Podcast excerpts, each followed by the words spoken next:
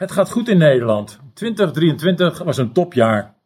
Torenhoge inflatie, politieke verdeeldheid, censuur, miljarden naar zinloze oorlogen, oversterfte, onverklaarbare toename van ziektes, uitsluiting van andersdenkenden, demografische omwenteling, corruptie, steeds gekkere ideologieën, stikstofidioterie, nepwetenschap, groeiende schulden en armoede. Gelukkig ziet de toekomst er rooskleurig uit. Niets bezitten, overal 30 rijden of helemaal niet rijden, het hele land vol windmolens, nog meer miljarden naar de Oekraïne, geen koe meer in de wei, prik na prik na prik, iedere man kan een vrouw worden of andersom, en nooit meer een steek tartaar.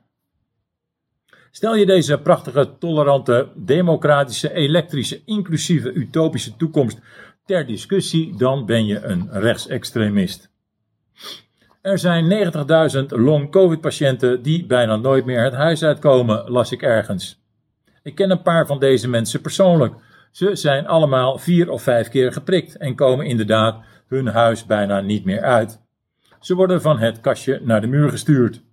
De oversterft en long-covid liggen niet aan de prik volgens de overheid. Corona moet zo snel mogelijk vergeten worden. De mensen die het vaccin hebben genomen willen het er niet meer over hebben. Ze willen niet blijvend herinnerd worden aan het feit dat ze in de leugens van Big Pharma en de staat zijn getrapt en dus niet zo intelligent zijn als ze zich voordoen. Het vaccin was gratis. Niets van de overheid is gratis. Dat had iedereen onmiddellijk moeten alarmeren. Het is een pandemie van de domheid. Daar gaat pharma vast geen vaccin tegen ontwikkelen. De definitie van wappie is inmiddels aangepast in de dikke vandalen.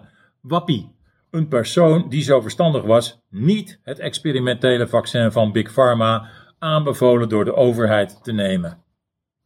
We leven in turbulente tijden. Volgens sommigen wordt dit veroorzaakt door de overgang naar het digitale tijdperk. Volgens uw columnist speelt dit wel een rol, maar is het niet de oorzaak van de crisis en de oorlogen waar we nu in verzeild zijn geraakt. De kern van deze crisis is dat wij live getuigen zijn van de strijd om de wereldhegemonie. De overgang van de unipolaire macht van het Westen naar een multipolaire macht, waarbij meerdere landen de wereldmacht verdelen. Rusland en China en andere landen slikken de op westerse regels gebaseerde wereldorde niet meer voor zoete koek. Je kan zeggen dat we beland zijn bij het echte einde van het westers kolonialisme, waar Rutte te pas en te onpas zijn excuses voor aanbiedt. De concurrent van het Westen, de BRICS-landen, bezitten inmiddels het grootste deel van het kernwapenarsenaal, de olie en de gas, de edelmetalen, de diamanten en zeldzame aardmineralen. De overgang naar de handel in lokale munteenheden die gebruikt worden in de wereldwijde transacties kan de oliedollar ten val brengen en een nieuwe wereldorde inluiden. Dit is de belangrijkste reden voor de gecreëerde oorlog in Oekraïne. Het is voor de VS van cruciaal belang Rusland gescheiden te houden van Europa en China, om de op westerse regels gebaseerde wereldorde te behouden. De oorspronkelijke vijf BRICS-landen, aangevoerd door het strategisch partnerschap Rusland-China, openen op 1 januari 2024 hun deuren voor drie grote West-Aziatische machten: Iran, Saudi-Arabië en de Verenigde Arabische Emiraten. Hun toetreding tot het multipolaire machtsblok maakt de hegemonie van de VS nog meer aan het wankelen. Rusland heeft de militaire oorlog in Oekraïne inmiddels gewonnen. De VS heeft deze gecreëerde oorlog ook gewonnen. De grote verliezers zijn de vaders en de moeders van de gesneuvelde Oekraïense en Russische jonge mannen. Een andere verliezer is Europa. Door de sancties richting Rusland is Europa zichzelf economisch aan het opblazen. Europa is weer meer afhankelijk van de VS geworden, zeker na de vernietiging van de Nord Stream gaspijpleiding. Goedkoop Russisch gas die met name de Duitse economie concurrerend maakte. Wie die gaspijpleiding opblies, blijft een interessante vraag. Rutte, onze man van de onderste steen, hoor ik er nooit meer over. Amerika heeft de oorlog gewonnen omdat de herreizenis van Eurasië weer voor tientallen jaren is voorkomen. Vrede en samenwerking tussen Europa, Rusland en China zou van de VS een eiland in de oceaan maken. Een markt van 6 miljard mensen versus 350 miljoen Amerikanen. Het zou de unipolaire macht van de VS rechtstreeks bedreigen. Onze kortzichtige Europese leiders met Rutte voorop hebben op het verkeerde paard gewet, het Amerikaanse paard, in plaats van voor een krachtige Europese lijn te kiezen.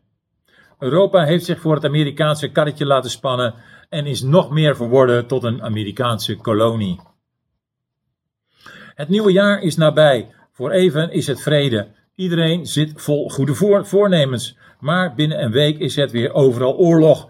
Worden poten onder stoelen vandaan gezaagd en is het ouderwets haat en nijd. Er zijn de afgelopen jaren zoveel leugens verteld dat veel mensen apathisch zijn geworden en geen weerstand meer hebben tegen de nonsens.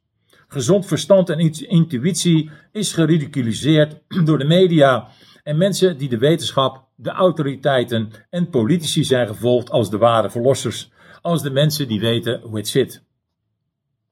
Hun eigen zelf hebben ze genegeerd. Komt dat ooit nog goed? Kan je jezelf weer terugvinden? Kan je weer naar je innerlijke stem gaan luisteren, naar je intuïtie, naar je gezonde verstand, naar de hersenen die je gratis en voor niets hebt gekregen? Bij veel mensen zijn die hersens nog splinternieuw. Ze hebben, zich nog, ze hebben ze nog bijna niet gebruikt. Er is dus nog hoop. Er is eindeloos veel tweedracht gezaaid. Covid, oorlog, woke, klimaat, Oekraïne, Gaza. Alles is propaganda. De media en de politiek rechtvaardigen oorlogen, vaccinaties en klimaatmaatregelen. Wat mensen tot op het bot verdeelt is het Israëlisch-Palestijns conflict het conflict der conflicten. Waarom dit zo is, weet niemand meer, behalve Leon de Winter. Als het over Israël gaat, is Leon de Winter, columnist van de Telegraaf, een belangrijke opiniemaker. Leon weet hoe het zit. Mensen die kritisch zijn op de gevoerde politiek van Israël zijn jodenhaters. De mensen die er iets over te, over te melden hebben, hebben geen idee wat bedrog of feit is, schrijft Leon in een van zijn columns. Alleen de grote Leon weet kennelijk wat de feiten zijn. Volgens Leon is de hele islamitische wereld bezeten van maar één ding: een schilfertje land aan de Middellandse Zee, genaamd Israël.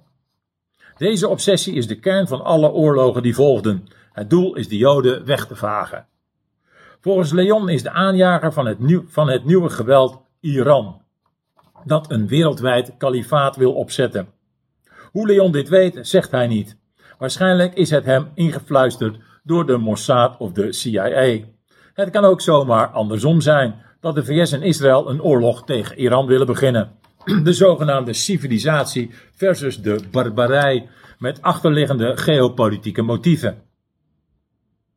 Het gaat helemaal niet om Gaza, schrijft Leon. Duizenden jaren geleden waren er al pogroms van islamieten die Joden onthoofden.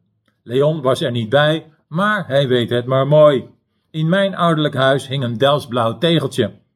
Waar twee vechten hebben twee schuld, stond er in sierlijke letters op geschreven. Europa zal de Joden Auschwitz nooit vergeven. Denk hier maar even over na, schrijft Leon vervolgens. Gelukkig weet hij ook het antwoord. Het is wat velen ertoe brengt het Joodse landje gelegen in een van de wreedste regio's op aarde volgens de allerhoogste normen te wegen. Volgens die norm faalt Israël en biedt het critici de kans om Joden van genocide te beschuldigen. Hamas schuilt gewetenloos onder de eigen bevolking, erop rekenen dat de Joden zich wil laten afschrikken door burgerslachtoffers. Israël kan heel Gaza binnen enkele uren wegvagen, maar dat doen ze niet. Ze proberen zo precies mogelijk de moordenaars van Hamas uit te schakelen, maar kunnen niet voorkomen dat daarbij burgers om het leven komen. Ze hebben geen keuze volgens Leon. Als ze het niet doen, zal Hamas een nieuwe 7 oktober of nog veel erger aanrichten. Leon de Winter is de witwasser van het geweld van de staat Israël. Leon wast zijn handen in onschuld. Leon doet een Pontius Pilatus. Leon stelt geen vragen meer. De islam wil Israël wegvagen, daarom is alles geoorloofd. Wie er vragen over stelt, is een antisemiet. De rol van Israël wordt buiten beschouwing gelaten altijd wijzen naar de ander en ondertussen zelf grote misdaden plegen. Leon verwijt Hamas dat ze haar strijd voert tussen de burgerbevolking. Maar wat moeten de Palestijnen anders? in, in hun ijzeren kooi op een paar vierkante kilometer. Het is een oorlog van het meest geavanceerde leger ter wereld tegen jonge mannen op badslippers in een trainingsbroek en een voetbalshirt van Barcelona. Geweertjes tegen geavanceerde wapens, tanks en Apache-helikopters. Was de goed voorbereide aanval van Hamas op 7 oktober wel een verrassingsaanval, is een legitieme vraag. Israël heeft de beste veiligheidsdiensten ter wereld. Het is onmogelijk dat de Israëlische regering niets geweten heeft van deze aanval. Daar zou Leon vragen over moeten stellen. Hoe zit dit? Wie zijn hiervoor verantwoordelijk? Wie hebben hier al dan niet met opzet gefaald? Zijn er achterliggende motieven om de aanval van Hamas te gebruiken om je eigen vreedheden en politieke doelen te verwezenlijken? Als Leon zijn huiswerk had gedaan, had hij geweten dat de aanslagen al maanden bekend waren bij de veiligheidsdiensten. Zelfs de New York Times, het clubblad van de CIA, berichtte dit onlangs. En dat de Hamas-aanval een militaire operatie was met als doel zoveel mogelijk soldaten te doden en zoveel mogelijk gijzelaars te kidnappen. Israël heeft zijn 9-11, kop de media direct na de Hamas-aanval. Onmiddellijk werden de meest verschrikkelijke berichten over onthoofde baby's de wereld ingeslingerd. Een oude, maar zeer doeltreffende propagandatechniek die altijd werkt. Zet het zo dik mogelijk aan. Maak het zo erg mogelijk. De eerste berichten beklijven. De toon is gezet. Hamas is beestachtig. Ze onthoofde baby's. Dat het bij nader inzien toch anders zit, bereikt het grote publiek niet meer. Als je hier vragen over stelt, ben je een antisemiet. Die berichten vlak na de aanval van Hamas legitimeren nu de genocide van de regering Netanyahu op de Palestijnen. De mogelijk achterliggende motieven van de regering Netanyahu vergeet Leon voor het gemak. De Palestijnen worden verdreven. Drie vliegen in één klap, schreef ik in mijn vorige column. Het einde van de Palestijnen en de twee-staten-oplossing. De wapenindustrie vaart er wel bij en Israël krijgt toegang tot de enorme gasvelden voor de kust van Gaza. Het is geopolitiek op Champions League niveau. Ook dit conflict moeten we bezien in de grote strijd om de wereldhegemonie. Israël heeft de vingers aan de trekker van het door Amerika gesponsorde genocide. Het geciviliseerde Westen met zijn inclusieve democratie versus de barbarij, zei Netanyahu tegen Mark Rutte tijdens diens bezoek op 23 oktober. Steeds meer mensen overal ter wereld doorzien deze leugenachtige retoriek en de schaamteloze, gewelddadige wetteloosheid van de op westerse regels gebaseerde wereldorde.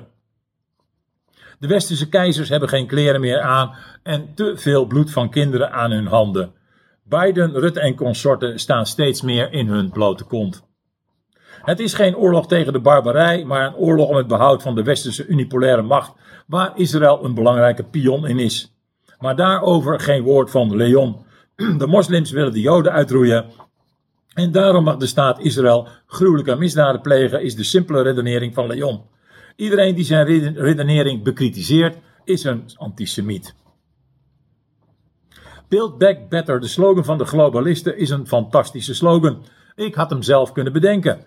2024 wordt een mooi jaar. Voordat een nieuwe maatschappij kan ontstaan, moet de oude worden afgebroken. Daarin hebben de globalisten gelijk. Ze zijn het alleen zelf die moeten worden afgebroken. Daar wordt nu aan, hard aan gewerkt door miljoenen mensen. De macht wordt meer en meer doorzien. De oude macht en de mensen erachter die aansturen op meer vaccineren, meer oorlog, meer klimaatdwang, meer censuur, meer armoede, meer tegenstellingen, meer verdeel en heers moeten we blijvend bestrijden en in het zonnetje zetten als oplichters en leugenaars. Het zijn de mensen die zelf hun eigen bevolking massaal hebben aangemoedigd de experimentele vaccins van Big Pharma te nemen, waarvan de desastreuze gevolgen langzaam steeds meer duidelijk worden. Netanyahu maakte van Israël een groot proeflaboratorium van Pfizer. Ook de grote Leon nam de spuit. Het getuigt niet van gezond verstand van de man van de Gezond Verstandkrant. 2024 wordt het jaar van het grote nee. Nee tegen vaccinaties. Nee tegen nog meer oorlog. Nee tegen verdeel en heers. Nee tegen de wapenindustrie. Nee tegen de woke nonsense. Nee tegen de klimaathysterie. Nee tegen Build Back Better. Nee tegen de globalisten. De allerbeste wensen voor het groeiende leger van neezeggers in 2024.